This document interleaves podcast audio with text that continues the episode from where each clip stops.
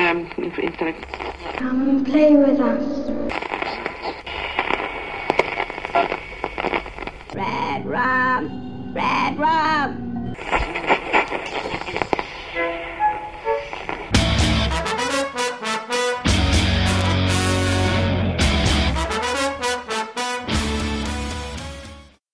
Powoli zbliżamy się do zamknięcia pierwszej dziesiątki podcastu Radio SK. I choć ja cały czas próbuję eksperymentować, to można mieć już jako taki pogląd na to, jak wyglądać będzie ten projekt. Tydzień temu mieliście okazję posłuchać nieco luźniejszego odcinka, w którym nie trzymałem się sztywnych reguł recenzji, tylko pogadałem sobie z innym fanem na temat obejrzanego chwilę wcześniej filmu. Takie audycje będą się jeszcze nie raz powtarzać i osobiście mam nadzieję, że będą to dyskusje nie tylko ze skórą, ale z wieloma różnymi osobami. Nagrywane w duecie, we trzech, czterech. Jak ktoś miałby ochotę pogadać o książce, obejrzeć film i porozmawiać o nim, czy uczestniczyć w takiej audycji, jaką dziś wysłuchacie, wystarczy dać znać. Ja z przyjemnością obejrzę coś po raz enty i potem o tym pogadam. Oczywiście ja nadal będę nagrywał swoje, bo takie było wstępne założenie tego podcastu, ale im więcej dyskusji, tym lepiej.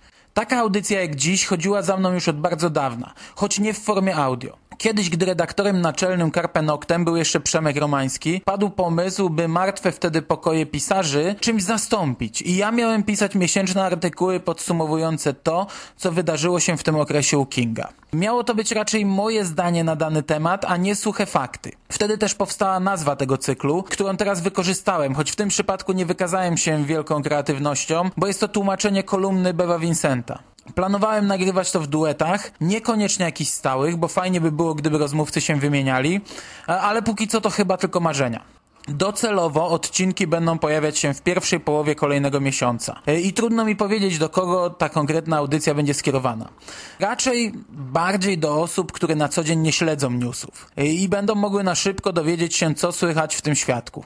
Jeśli pozostałych interesuje, co sądzę na dany temat lub co sądzą o nim ewentualni przyszli rozmówcy, to może też znajdą tu coś dla siebie. Póki co nie zapowiada się, by były to jakieś przesadnie długie odcinki, więc w ostateczności umilę komuś piątkową drogę do pracy. Ja tymczasem przygotowałem sobie trochę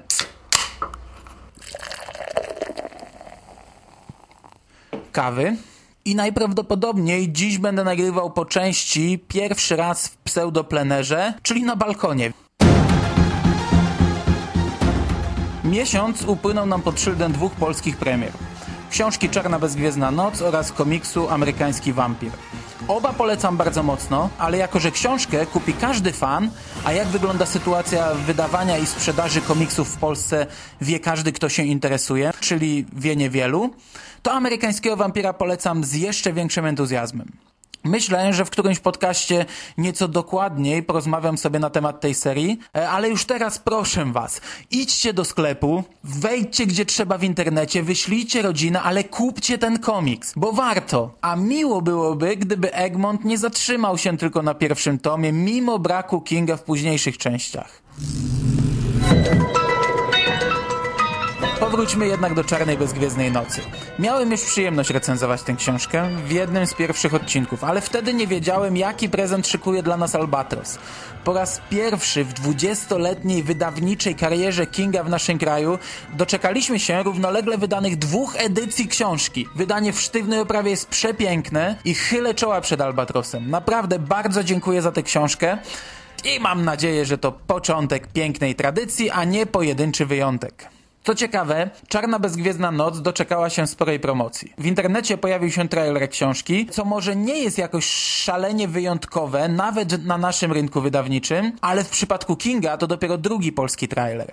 Przy czym spotów telewizyjnych pod kopułą nie liczę, bo to był przerobiony amerykański zwiastun. No i Czarna Bezgwiezdna Noc w porównaniu z wcześniejszym trailerem Blaze wypada znacznie lepiej. Kolejną ciekawostką jest strona internetowa książki. I tutaj z taką promocją Kinga mamy po raz pierwszy do czynienia. Zarówno Czarna Bezgwiezdna Noc, jak i Amerykański Wampir miały swoją premierę podczas targów książki, na które niestety nie było mi po drodze. Co ciekawe, na targach można było tylko obejrzeć Czarno-Bezgwiezdną Noc w twardej oprawie, a do kupienia była jedynie miękka wersja. Ja jednak nie o tym. Podczas tej imprezy wydawca zaprezentował katalog z zapowiedziami na nadchodzący rok. I trzeba przyznać, że jest na co czekać.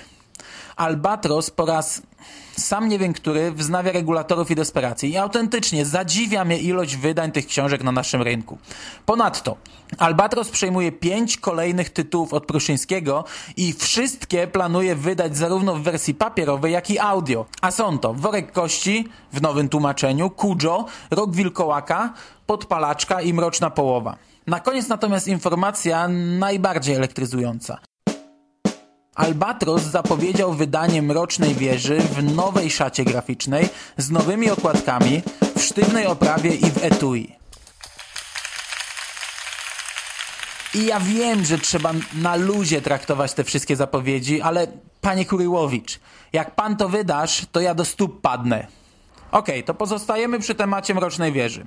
W minionym miesiącu był taki moment, że nad przyszłą ekranizacją zebrała się spora ilość czarnych chmur. W internecie pojawiły się informacje, jakoby Studio Universal mogło nie udźwignąć finansowo tej produkcji.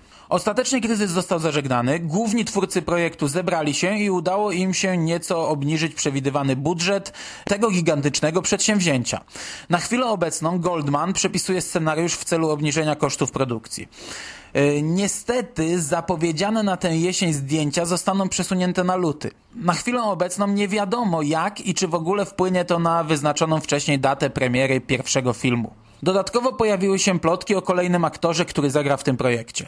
W roli Ediego Dina być może zobaczymy Normana Ridusa.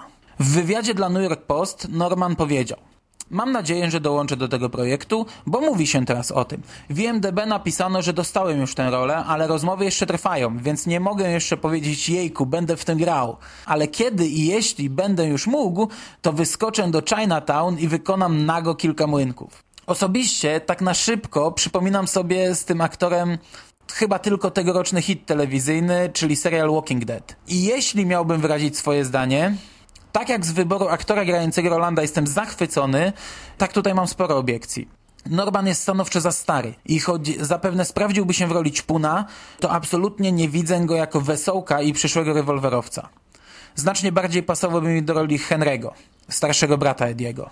Ron Howard zdradził też, że pierwszy sezon serialu na podstawie Mrocznej Wieży, który będzie miał premierę po pierwszym filmie kinowym, ma liczyć sześć jednogodzinnych odcinków. I to tyle na temat ekranizacji, ale pozostajemy przy temacie wieży.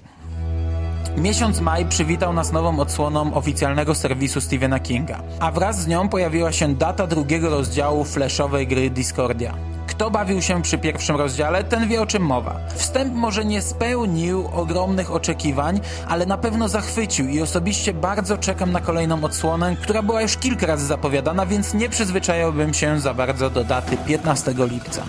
Choć z drugiej strony, jak poinformował mnie Burial, w chapbooku Kevina Quigleya, to jest taki fan Stephena Kinga, który od ponad 15 lat prowadzi stronę Charnel House, i w jego książeczce poświęconej tematyce publikacji i projektów internetowych i elektronicznych czytamy, że zapowiedziany na koniec poprzedniego albo początek tego roku drugi rozdział Discordi został przełożony na życzenie Kinga, który miał inną pracę dla informatyków. Po premierze nowej odsłony serwisu wiemy przynajmniej o co chodziło i można liczyć, że teraz coś ruszy w sprawie Discordi. Idziemy dalej, ale wciąż pozostajemy przy temacie wieży. Człowiek, którego imienia nie umiem przeczytać, Lee, został zatrudniony do zilustrowania nowej książki Wiatr przez dziurkę od klucza. Lee to główny rysownik komiksu Mroczna Wieża, który jest odpowiedzialny za cztery z pięciu serii podstawowego projektu. Co ciekawe, miesiąc wcześniej zakończyła się ankieta na oficjalnej stronie, w której można było głosować na autora ilustracji. Internauci ogromną przewagą głosów wybrali Michaela Willana, który stworzył ilustrację do pierwszego i siódmego tomu, do specjalnego wydania Rolanda wraz z opowiadaniem siostrzyczki z Eluri oraz do wspomnianej już gry Discordia. Zdobył on 1073 głosy, zaś Lee zajął drugie miejsce z dorobkiem 325 głosów. Osobiście póki co nie jestem zadowolony z tego wyboru. Uwielbiam jego komiksową wizję tego świata. W pewnym sensie stworzył on miejsca i klimat świata, który na stałe zagościł już w mojej wyobraźni, ale na chwilę obecną nie widzę go w książkach. Choć trzeba zaznaczyć, że drugi tom cyklu miał już ilustrację w konwencji komiksowej. Ostatnią informacją wieżową jest okładka trzeciego zeszytu kolejnej adaptacji komiksowej Bitwa o Tul.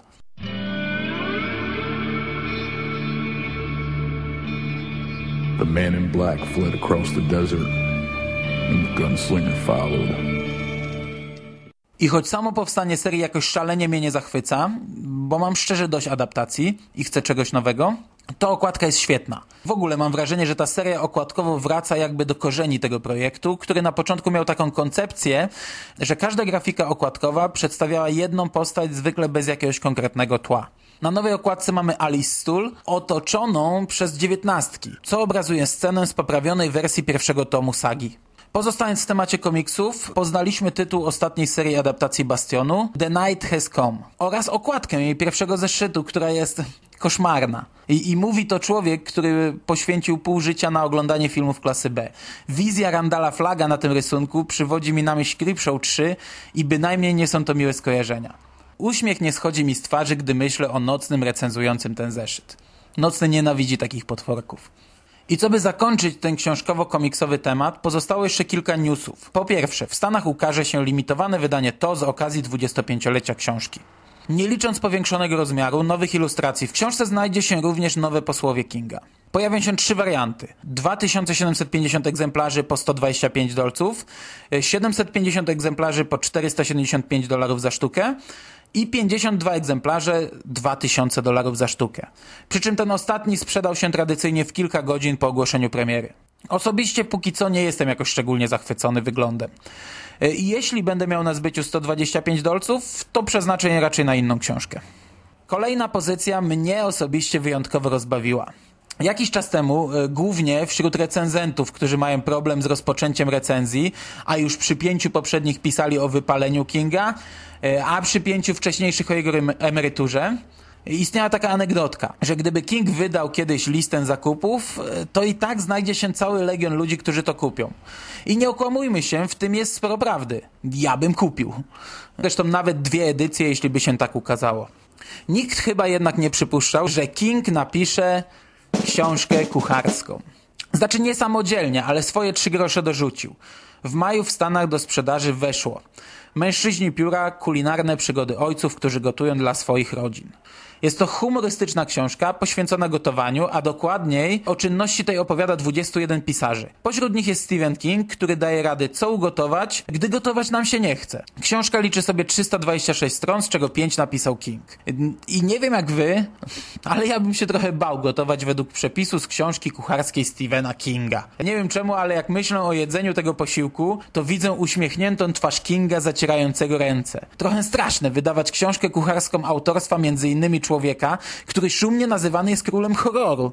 Okej, okay. ostatni news książkowy dotyczy naszego podwórka. Już latem powinna pojawić się u nas antologia His Legend, zawierająca opowiadania inspirowane twórczością Richarda Mathesona. Książka zawiera 15 tekstów 16 autorów, w tym Trottle, pierwsze wspólne opowiadanie Stephena Kinga i Joe Hilla. W zbiorze znalazło się także I Am a Legend 2, które jest prequelem do Jestem Legendą, a jego autorem jest Mick Garris. Książkę tłumaczy Bartek Czartoryski, który przekładał m.in. Straconych Jacka Ketchama. I jeśli się go odnajdzie na Facebooku, to można sporo fajnych newsów co jakiś czas wyłapać. Również zdawkowe informacje o jakości tekstów, które właśnie przekłada. Bardziej jako ciekawostkę dla polskiego fana można podać informację, że w maju wreszcie ruszyły konkrety w sprawie musicalu Stephena Kinga. Dla kogoś, kto śledzi newsy od lat, to jest naprawdę spory szok, bo od wielu lat co jakiś czas puszczano jakiegoś nieistotnego newsa albo ustalano wstępną, mglistą datę premiery, po czym temat cichu na kolejne lata. Ostatnio przeglądałem archiwum newsów na Lili e, i znalazłem wiadomość z 2000 roku, że premiera musicalu może się odbyć rok później. My na SKPL często ignorowaliśmy te rewelacje, bo to były wiadomości kompletnie nieistotne. Ale teraz wreszcie projekt dobiegł końca, co w zasadzie dla polskiego fana nie jest i tak niczym istotnym. Na zakończenie pozostał nam blok newsów filmowych. Pojawiły się pierwsze plotki o kolejnej ekranizacji Kerry. Scenariusz ma napisać autor komiksowej adaptacji Bastionu. Podobno ma to być wersja bliższa powieści Kinga. Stephen King wypowiedział się na ten temat. Słyszałem pogłoski o nowej wersji Kerry, podobnie jak Bastionu i to. Kto wie, czy dojdzie do jej realizacji, ale pytanie brzmi po co, skoro oryginał był tak dobry. Znaczy nie była to Casablanca czy coś podobnego, ale to naprawdę dobry horror. Dużo lepszy niż książka. Zainteresowanie rolą wyraziły już takie gwiazdki jak Megan Fox i Lindsay Lohan. Stephen King w swojej wypowiedzi stwierdził, że gdyby Lohan zagrała Kerry, to mogłoby być zabawnie. Oczywiście wszędzie w internecie polała się zaraz fala krytyki. Po co robić remake? Po co poprawiać świetny film? Ja do tego podchodzę trochę inaczej. Po pierwsze, wiem, że definicja remake'u jest jednoznaczna i każda kolejna ekranizacja tekstu jest teoretycznie remake'iem. E, ale ja uważam, że ta definicja jest kretyńska. Przykładowo, Gary z Kingiem zrobili swoją wersję Lśnienia właśnie po to, by zrobić coś z założenia innego niż wcześniej Kubrick. No jednak według definicji zrobili remake pierwszego filmu, co jest bez sensu. Ja nie traktuję Nowej Kerry jako remake. To jest kolejne podejście do tego tematu i przypominam, że nie jest to pierwszy powrót filmowców do Kerry. Ten tytuł już doczekał się sequela i ponownej ekranizacji. Przy czym wersja z 2002 roku docelowo miała być pilotem serialu i nadal ogląda się ją całkiem przyjemnie. Ja tam nie rozumiem, jak według niektórych remake ma wpłynąć na oryginał, czy jego postrzeganie. I nie mam nic przeciwko, by powstały kolejne ekranizacje Kinga. Nową Kerry, o ile w ogóle powstanie, też obejrzę z przyjemnością. No, a, a przynajmniej podejdę do niej z takim nastawieniem. Ruszyło się też coś przy dwóch zapowiadanych już dość dawno ekranizacjach. Za kilka miesięcy powinny rozpocząć się prace na planie pod kopułą. Scenariusz pisze właśnie Michael Green, który wcześniej pracował m.in. przy serialach Herosi i Tajemnice Smallville. Zachodnie media donoszą też, że zdjęcia do ekranizacji Worka Kości